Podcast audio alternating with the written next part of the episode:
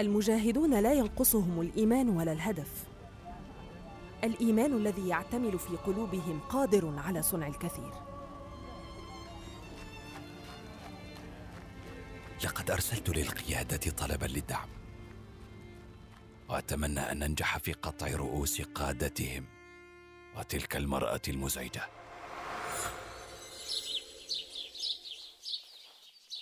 ربما لم تمر بكم هذه الحكاية من قبل. إليكم ما جرى. في الخامس من يوليو تموز عام 1830 تحتل فرنسا الجزائر. وتعلن سيطرتها على كل مقاليد الأمور فيها. تندلع المقاومة هنا وهناك.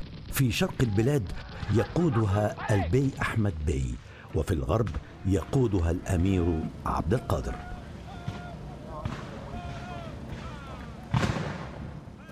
يواجه المحتل هذه المقاومة بصنوف من العنف. تنال النساء النصيب الأكبر. بل يقرر الاستعمار الفرنسي حرمان نساء الجزائر من ميراثهن من أزواجهن بحجة أنهن تزوجن حسب الشريعة الإسلامية. وليس بحسب نصوص القانون الفرنسي وعليه يصادر المحتل تلك المواريث إلى خزائنه. في الشهر نفسه الذي احتلت فرنسا فيه البلاد وفي قرية صغيرة تسمى حاليا إيت بيوسف شمال شرقي البلاد يأتي من يبشر شيخ الزاوية الرحمانية بمولودة له. يطلق عليها اسم فاطمة بنت سيدي أحمد محمد لتكبر في بيت تحفه أصوات القرآن وذكر الله وتبدأ في تعلم القراءة والكتابة وحفظ آيات الله ودراسة العلوم الشرعية. تعالي يا بنيتي هل حفظت ما حددته لك؟ نعم سيدي. ما شاء الله. اذا أسمعيني. الرحمن علم القرآن خلق الإنسان علمه البيان الشمس والقمر بحسبان. يزور قريتها الأمير عبد القادر يستقبله الأهالي بحفاوة بالغة. تنظر إليه بدهشة وإعجاب شديدين هذا هو المجاهد العظيم الذي يقاوم الاستعمار. تظل ذكرى هذه الزيارة حاضرة دائما في حياتها.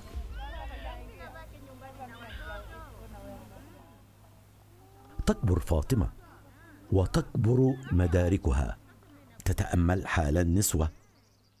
كثير من الجهل ومجتمع لا يمنح المرأة كل حقوقها التي تعلمتها في الزاوية. أمارات النباهة والفهم بادية عليها. يلحظها الجميع.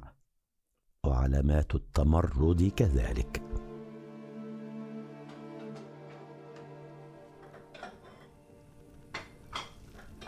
أنا لا أريد الزواج.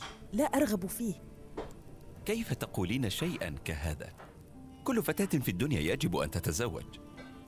لكنني لا أريد وهذا حقي. أنت مخطئة.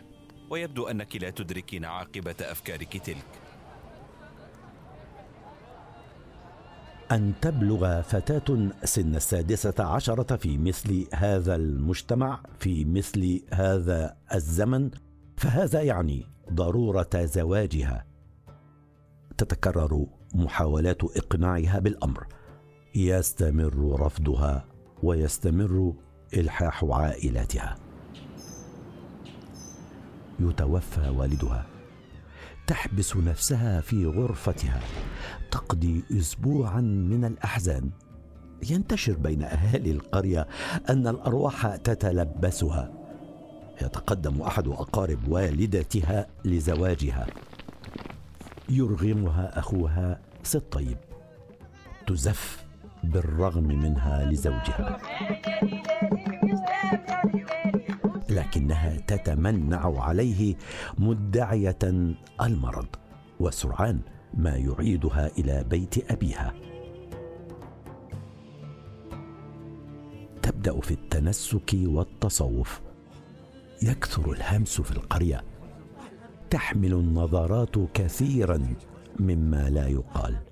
تضيق فاطمة بذلك كله وتقرر الالتحاق بأخيها الأكبر سيدي الطاهر.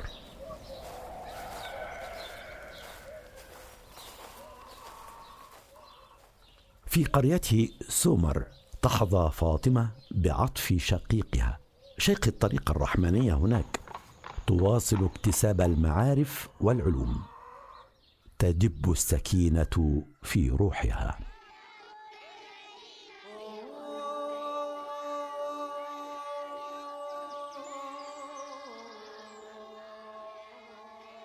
ما أكثر طلابك وقاصديك يا أخي؟ كل هؤلاء يأتون للتعلم وطلب الفتوى. ذلك فضل الله يؤتيه من يشاء. لقد نلت كثيرا من علم والدنا. وأرى الناس يحبونك كما كنت أرى محبة الناس لأبي. العلم منحة من الله يا فاطمة. والله أسألهم المحبة له ولرسوله وللمسلمين كافة. بتأثير سلوك أخيها يزداد حب فاطمة للعلم والمعرفة. تكثر من خلواتها تزيد من عباداتها تقضي وقتا في التأمل تستزيد من العلوم تنصح الناس وتجيب عن أسئلتهم. ليناديها الناس بلالا فاطمة نسمر. فالأمازيغ يقولون لالا للسيدة الشريفة. ثم إنهم عندما ينسبون شخصا لمكان يقدمون حرف النون على المكان المنسوب إليه. سومر نسومر وهكذا عرفت باللالة فاطمة نسومر الفرنسيون منزعجون لأن منطقة القبائل التي تنتمي إليها فاطمة لم يصلها الاحتلال الفرنسي. بسبب طبيعتها الجبلية الوعرة فهي جزء من سلسلة جبال جرجرة الجزائرية. في عام 1844 يتناقش أطراف سلطة الاحتلال في الأمر. فتلك المنطقة بالنسبة لهم أشبه بدولة مستقلة قريبة من العاصمة.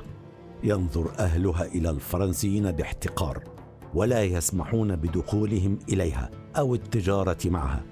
والأنكى أن بعض المجاهدين يختبئون هناك. الفرنسيون يضيقون الخناق على الأمير عبد القادر. لطف الله به وببلادنا. لا بد من زيادة الدعم واستنفار البلاد كلها. الجهاد فرض. ليس مثلنا من يقبل الهوان. رأيت العزة في وجه الأمير عندما زار قريتنا. ورغم صغري ما زلت أذكر وجوه الناس وحفاوة استقبالهم له.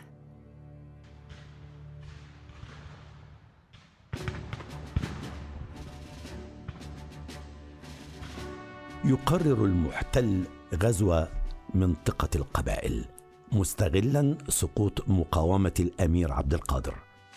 ترسل السلطات رسالة إلى قادة القبائل تطلب إليهم الاستسلام والخضوع من دون مقاومة وتسليم خليفة الأمير عبد القادر الذي يدعى أحمد الطيب أبو سالم. تهددهم بحرق قراهم ومحاصيلهم. يأتي الرد من قادة منطقة القبائل في رسالة واضحة المعالم. لقد طلبتم منا أن نطرد ابن سالم. فكيف نوافق على ذلك ونحن مسلمون؟ ولتعلموا أن الخسارة والربح سيان ومن عاداتنا أن نتحدى النفي والتشريد والموت. ولا تظنوا أن إتلاف محاصيلنا يجعلنا ننخذل أمامكم لأن هذه المحاصيل كثيرا ما يقضي عليها الجراد أو تجرفها السيول.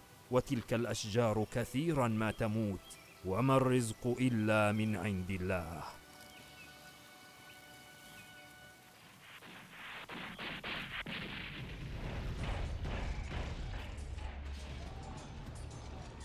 تبدأ المعارك بين قوات المحتل التي تحاول التسلل إلى القرى الجبلية وبين سكانها الذين يظهرون استبسالا كبيرا. وعلى الرغم من فرق القوة والسلاح والتنظيم لم تمل الكفة لطرف دون الآخر. بل إن المقاومة لا تكتفي بالصمود وصد القوات الغازية لكنها تغير من وقت لآخر على معسكرات الفرنسيين لمهاجمتها وإرباكها. لا تكتفي اللالة فاطمة بدروس العلم. إنها تثير حماس الناس وتدعوهم إلى المقاومة تحدثهم عن الجهاد وفضله. يقع كلامها في قلوب الناس يلتف حولها المناصرون.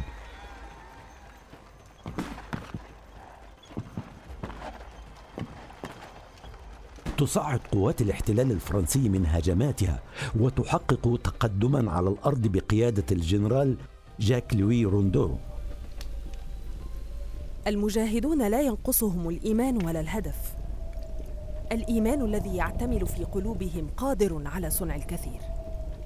ولكن المقاومة تخسر في أغلب قرى القبائل. أظن أن من أهم أسباب خسارتها هذا التشتت وغياب التنسيق. كأنك تنوين شيئا. على جبال جرجرة كان أحد المجاهدين يوجع الفرنسيين ويؤلمهم بعملياته. يتحرك محمد الأمجد بن عبد المالك بقواته التي تتنامى يوما بعد يوم يستخف الفرنسيون به. يطلقون عليه اسم أبو بغلة. ينتشر الاسم بين الناس وبدلا من أن يحط من قدره كما كانوا يقصدون يصبح لوقع اسمه رهبة في قلوب الفرنسيين الغزاة. تتواصل.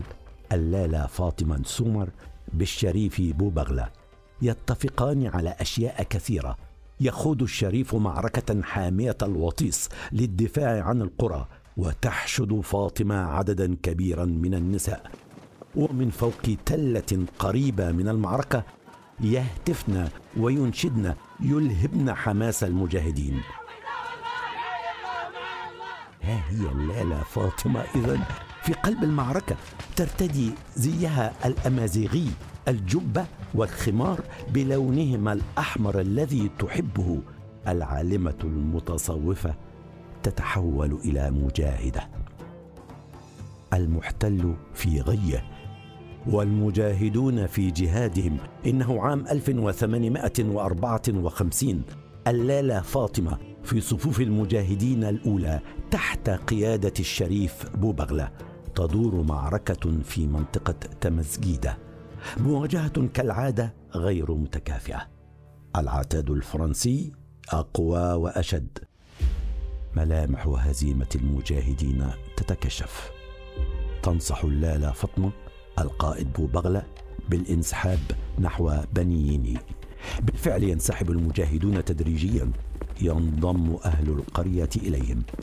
يتوقف تقدم الفرنسيين. لكن الفرنسيين يعيدون المحاولة يصرون على القضاء على الشريف بوبغلة وقواته.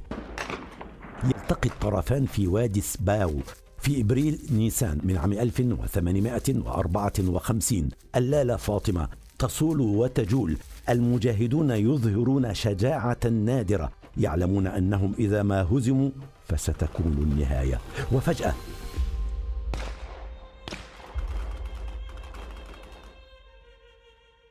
يسقط الشريف ارضا بطلق ناري يقترب جندي فرنسي لأسره. لكن الليلة فاطمة تنهي حياة الفرنسي المحتل وتنجح في منع أسر الشريف. تقترب منه تنظر إليه نظرة إجلال ولحيته التي تزيد وقاره في قلوب المجاهدين. أيها الشريف لن تتحول لحيتك إلى عشبة ابدا. أعزك الله يا فاطمة لن نذل ابدا. ما دام فينا شجعان مثلك. هيا يا سي محمد لنخرجك من هنا. حتى يداوي أحدهم جرحك هذا. إنقاذ الشريف من الأسر يحول مجريات المعركة. يكر المجاهدون على الفرنسيين. إنه أول انتصار تكون اللالة جزءا منه. لم يستطع الجنرال الفرنسي راندون تجرع الهزيمة. يقود قواته إلى منطقة واطية. جزائري ممن باع نفسه. يدعى باش اغا الجودي يساعد راندون ويقاتل معه تحتدم المعركة. عادة ما تتحول ملامح وجه اللالة في المعارك لصرامة واضحة. لكن عندما تسمع سيرة الخونة يبدو وجهها حانقا معتاظا يلتقي الطرفان. تاره يبدو الفرنسيون أقرب إلى النصر وتاره تعلو كفة المجاهدين. تبلي اللالة بلاء حسنا وتنجح في قتل جودي الخائن. يخسر راندون مرة أخرى مخلفا وراءه ثمانمائة قتيل منهم خمسة وعشرون ضابطا. ما شاء الله لا لا فاطمة الأتباع يكثرون والنصر بات حليفك. وما رميت إذ رميت ولكن الله رمى. وما النصر إلا من عند الله. أظنهم سيغيرون علينا قريبا. الهزيمة مرة لم يحتملوها. لن ننتظر إغارتهم.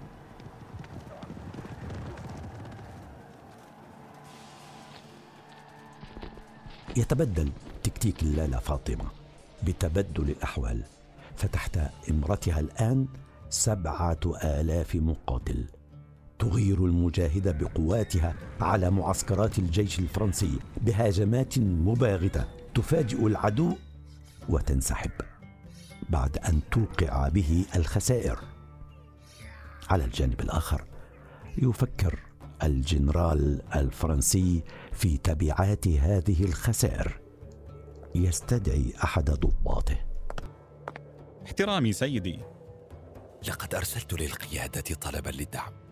أرجو أن يعلم الجنود بذلك حفاظا على معنوياتهم. أتمنى أن يصل سريعا. فقد سرى تململ بين الجند. سيصل.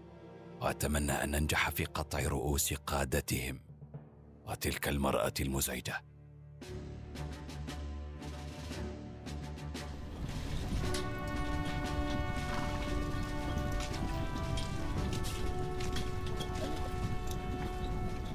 تصل قوات الدعم الفرنسي بقيادة الجنرال ماكماهو ليرتفع عدد القوات الفرنسية إلى خمسة وأربعين ألف مقاتل.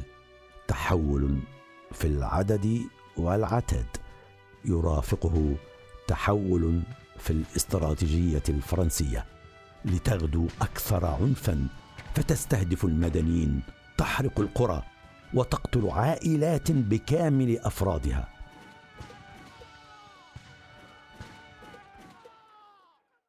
يتحرك الفرنسيون ناحية قرية إيت سوراغ تصدهم قوات اللالة فاطمة وتوقع بهم خسائر كبيرة وتنجح قواتها في قتل عشرة جنرالات فرنسيين. لكن اللالة فاطمة تدرك أن المعركة غير متكافئة بالمرة وأن قواتها أقرب للخسارة. تطرح اللالة فاطمة الهدنة والتفاوض. ويوافق الفرنسيون على ذلك ليقود المفاوضات من الجانب الجزائري أخوها سيد طاهر والجنرال راندون من الجانب الفرنسي. هل يمكن أن تلخص طلباتكم في نقاط بعد هذه الخطبة الطويلة؟ الطلبات واضحة. خروجكم من القرى وقف المطالبة بالضرائب وعدم القبض على قادة المقاومة. ألا تبالغون؟ كأن النصر على بعد مرحلة منكم. إننا أصحاب حق وقد جربتم قتالنا. يتظاهر الجنرال الفرنسي بالموافقة ويضمر في النفس الخيانة. وبمجرد خروج الوفد من المعسكر الفرنسي يلقى القبض عليهم جميعا. ويأمر الجنرال رندون قواته بمحاصرة ملجأ لالا فاطمة سومر لتؤسر مع عدد من النساء.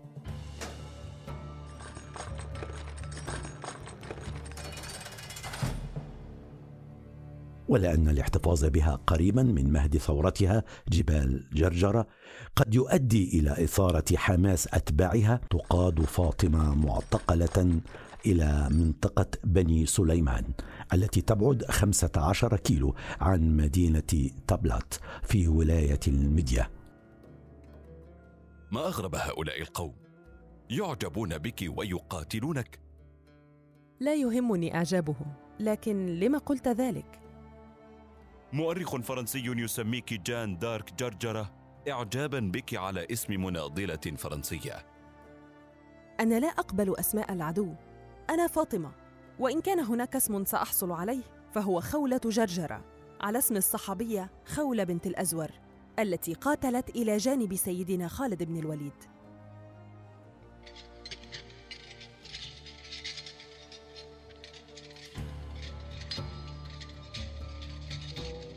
تقضي سنوات اعتقالها في القراءة والتعبد فروحها كما هي طليقة متمردة على الباطل محبة للخير والجمال. في سبتمبر أيلول من عام 1863 تتوفى اللاله فاطمة مأسورة وهي ابنة ثلاثة وثلاثين عاما بعد أن أصيبت بمرض عضال. شل حركة نصفها لتنتهي رحلة من العلم والتعبد والجهاد. رحلة خلدها كل محب للحرية.